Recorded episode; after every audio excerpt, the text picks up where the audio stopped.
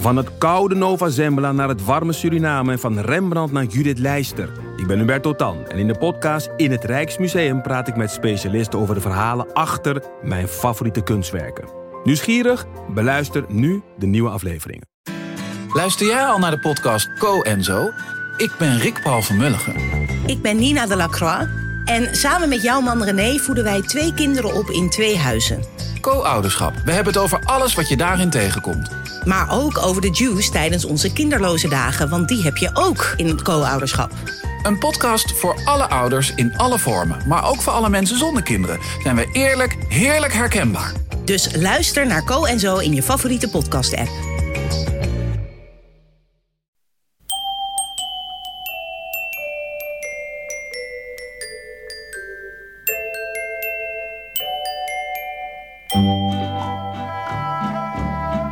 Welkom bij aflevering 402 van Echt Gebeurd. De podcast waarin mensen hun eigen waargebeurde verhalen vertellen. Maar waarin ook af en toe iemand voorleest uit het dagboek dat hij of zij bijhield als puber. In deze aflevering het puberdagboek van Maaike Wit.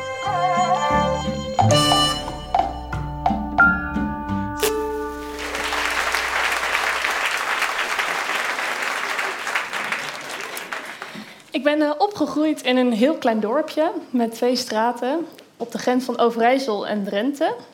En ik woonde daar met mijn ouders en mijn zus Wieteke. En Wieteke is twee jaar ouder dan ik. En ik schreef mijn dagboek op de computer, waar we toen alleen nog een inbelverbinding hadden. En ik had het document Hoe strijk ik mijn overhemd genoemd. In de hoop dat Wieteke er nooit op zou klikken. Maar toch had ik voor de zekerheid uh, dit bovenaan gezet. Wieteke, je mag best verder lezen hoor, alhoewel ik dit mega lullig van je vind. Er staan alleen maar dingen in die ik heb meegemaakt. Geen liefdes, behalve Camille, maar dat wist je al. Geen spannende dingen of wat dan ook, dus stop nu maar. 10 juli 2004. Ik was toen 12. Stomme, stomme rot Wieteke zus. Ze heeft in haar kamer opgehangen. Als Maaike er aankomt, ga dan op de grond liggen en roep om hulp. Als er geen hulp is, sterkte. Ik heb het aan mama laten lezen en daarna in de kachel verbrand. Eigen schuld, dikke beeld. 29 november 2004. Vandaag was de klas op de kop. Zogenaamd door Zwarte Pieten. En ik haat Wieteke.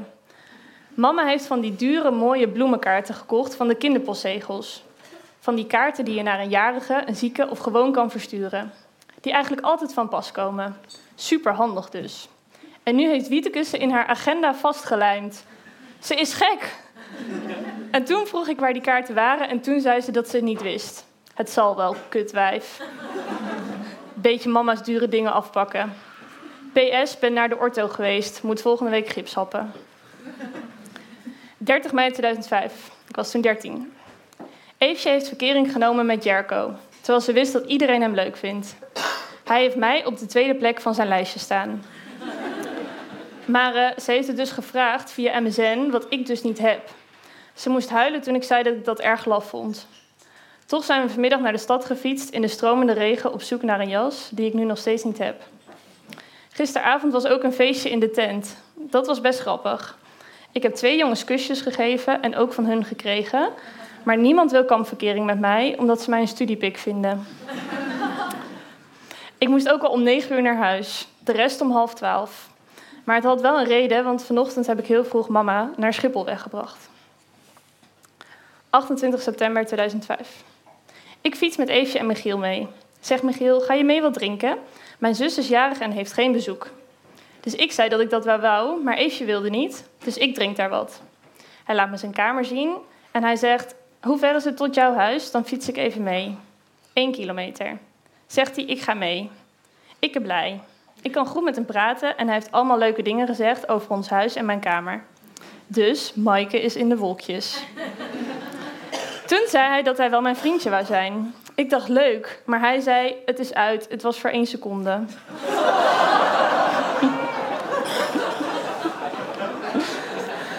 Toch ga ik met, jawel, tromgeroffel, Michiel naar de bioscoop. Wordt vervolgd.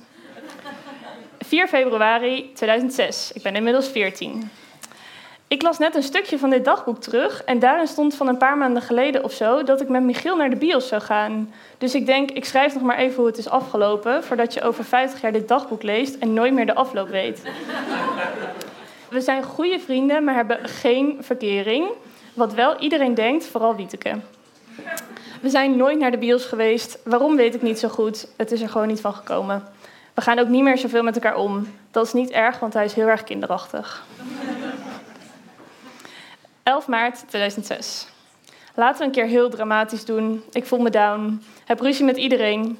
Ook al ga ik nog zo vroeg naar bed en lekker in een heet bad. Ik weet niet wat het is, maar ik voel me niet zo lekker in mijn vel. Eefje en Mechtel zitten steeds te zeuren over een Oscar. Die hadden ze zien lopen op school en hij had een trui aan die ze leuk vonden. Met Valentijn zijn ze erachter gekomen hoe hij heet en hebben ze hem een roos gestuurd. Nu heeft Eefje zijn MSN gevraagd.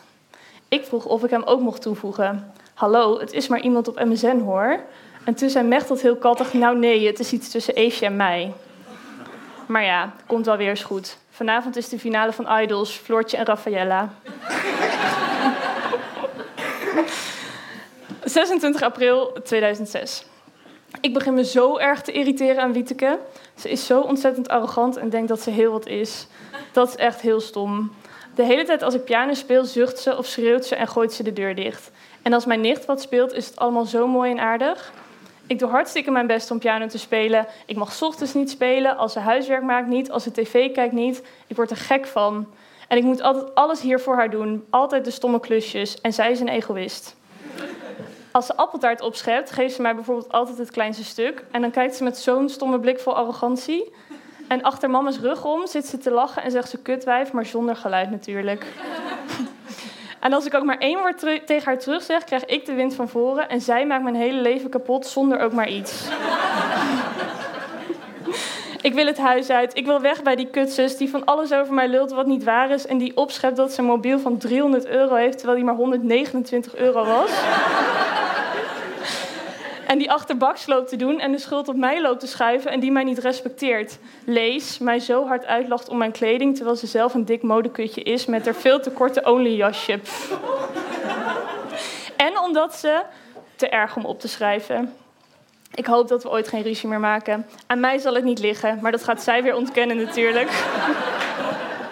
Het is altijd fout wat ik doe. Ik geef haar altijd vet veel met Sinterklaas en daar hoor je nooit iets over zij moet maar eens gaan beseffen dat ik ook iemand ben die dingen voelt. En niet zomaar iemand ben waar je je boosheid op af kan reageren. En iemand waarop je in kan rammen als je zin hebt. En als ze daar nu eens over na ging denken. Maar ik kan het haar nooit vertellen. Ze lacht me toch uit. Ach, wat kan het mij ook schelen? Ik heb een leuk leven op één iemand na. en als ik straks uit huis ga en naar de toneelacademie ga, zullen we eens zien wie het verste komt. De computer staat nu beneden in de keuken, dus het is een beetje irritant om ongezien in je dagboek te schrijven. 21 juli 2006. Ik heb Nick gebeld en een verkering gevraagd. Hoe dapper. Hij zei, ik zie je donderdag. Ik zei, maar dan zit ik er drie dagen mee. Hij zei, nee, ik zie je donderdag. Ik natuurlijk helemaal zenuwachtig gemaakt. Heeft hij gewoon niks gezegd. Uit school ben ik met Eefje meegegaan en daar heb ik hem ge-sms'd waarom hij niks zei. Hij reageerde niet. Toen heb ik hem maar gebeld. Hij zei, wat moest ik zeggen dan? Jeetje, hoezo, ik snap er niks van. Nou ja, ik vroeg het nog een keer. Hij zei nee. Shit. Heb ge-sms dat het allemaal een grap was. Hij geloofde het, einde. heb vandaag ook weer eens mijn haar kort geknipt. Echt heel kort. Het kortste wat ik ooit heb gehad, op babyhaar niet meegeteld. Daarna heb ik met Ivanka bij Mariska gepicnict op het bankje naast het fietspad. Met chips, drop, chocola en cola. 16 oktober 2006. Vandaag zat ik in de aula met de hele klas zoals gewoonlijk. En ik zat gewoon aan de tafels te schuiven, gewoon automatisch. En daardoor gooide ik niks hele flesje om. Wordt hij toch een partijtje kwaad? Hij staat op en gooit het hele flesje over me heen. Ik was zeik en zeiknat. Mijn hele haar, mijn vest. Ik werd zo kwaad, ik keek hem ijzig aan. Iedereen was er doodstil van. Ik ben druipend weggelopen. En toen moesten alle jongens aan tafel vet hard lachen en gingen ze mij nadoen. Sukkels. Ik had het ijskoud. Ik heb van mijn non een spijkerjasje geleend. Die Nick, die krijg ik nog wel. Het enige leuke is dat je nu in de kantine breakers kan kopen. Dat is yoghurt in een zakkie. 25 maart 2007. Ik ben 15. Ik heb verkering met Camille. Zo, dat is eruit. Eigenlijk zaten we een beetje te flirten op MSN en toen hadden we opeens verkering. Ik heb Camille via internationale uitwisseling op school ontmoet. Niet in een vieze chatroom of zo. Hij is zo lief. Hij zegt echt hele lieve dingen over me. Lekker handig. Heb je een vriendje? Woont hij in Polen? Hij heeft beloofd om hier naartoe te komen, maar zijn moeder, zijn vader is weg, is nogal streng. Nu mag het niet. Wat moet ik doen? Hij moest huilen voor de webcam, de arme schat. Omdat hij me beloofd had en nu mij nooit meer mag zien. Ik mag daar niet heen, want het is er gevaarlijk, zegt Camille. Hij is in elkaar geslagen op straat. Misschien wist ik ook wel dat ik hem nooit meer zie, maar ik had er zo op gehoopt. Hij zei ook: When I'm in Holland, we will go to a nice place to kiss. Lief, hè? ik zal hem nooit kussen of zelfs maar zien. Eergisteren had ik wel echt een heel leuk gesprek met Camille, maar nu doet hij een beetje droogjes. Misschien omdat de vader van zijn beste vriendin zelfmoord heeft gepleegd. 19 april 2007. Vannacht gaat Eefje voor twee weken naar Amerika. Ook één week tijdens school. En ik heb ruzie met Richard. Hij zit de hele tijd te zeiken over Camille. Camille dus. Dat ik hem verzonnen heb. Toen moest ik met Menteluis huilen. Dat was nogal stom, want ik wou dat helemaal niet. Het is trouwens ook uit met Camille. Hij komt toch niet meer naar Nederland. Een beetje uitzichtloos op deze manier, dus ik heb het uitgemaakt. Toch zijn we stiekempjes nog meer dan gewone vrienden. Maar als ik zou willen, zou ik met de halve wereldbevolking kunnen zoenen. 9 juli 2007. Mijn zus Wieteke gaat overmorgen voor een jaar naar Nieuw-Zeeland. Ik ga haar natuurlijk wel heel erg missen, maar dat zeg ik niet hardop. Wieteke en ik gingen naar de fiets, op de fiets naar de stad om afscheidscadeautjes voor haar vriendinnen te kopen. Maar fietsen is moeilijk voor blondjes zoals wij. We zijn bovenop elkaar gevallen, sturen in elkaar. Wieteke had een bloedneus en wondjes en ik ben flauw gevallen. Kortom, hartstikke gezellig. Je hoorde Maaike Wit, die voorlas uit het dagboek van toen ze een puber was. Tegenwoordig is Maaike werkzaam als beleidsadviseur laaggeletterdheid en inburgering. Heb jij ook een dagboek uit je puberjaren en durf je daaruit voor te lezen op ons podium? Laat ons dat dan weten via het formulier op onze website echtgebeurd.net. En ben je nu tussen de 16 en 21 jaar en lijkt het je leuk om een persoonlijk verhaal te leren vertellen? Meld je dan aan voor onze jongerenworkshop in Forum in Groningen op 7 juni aanstaande.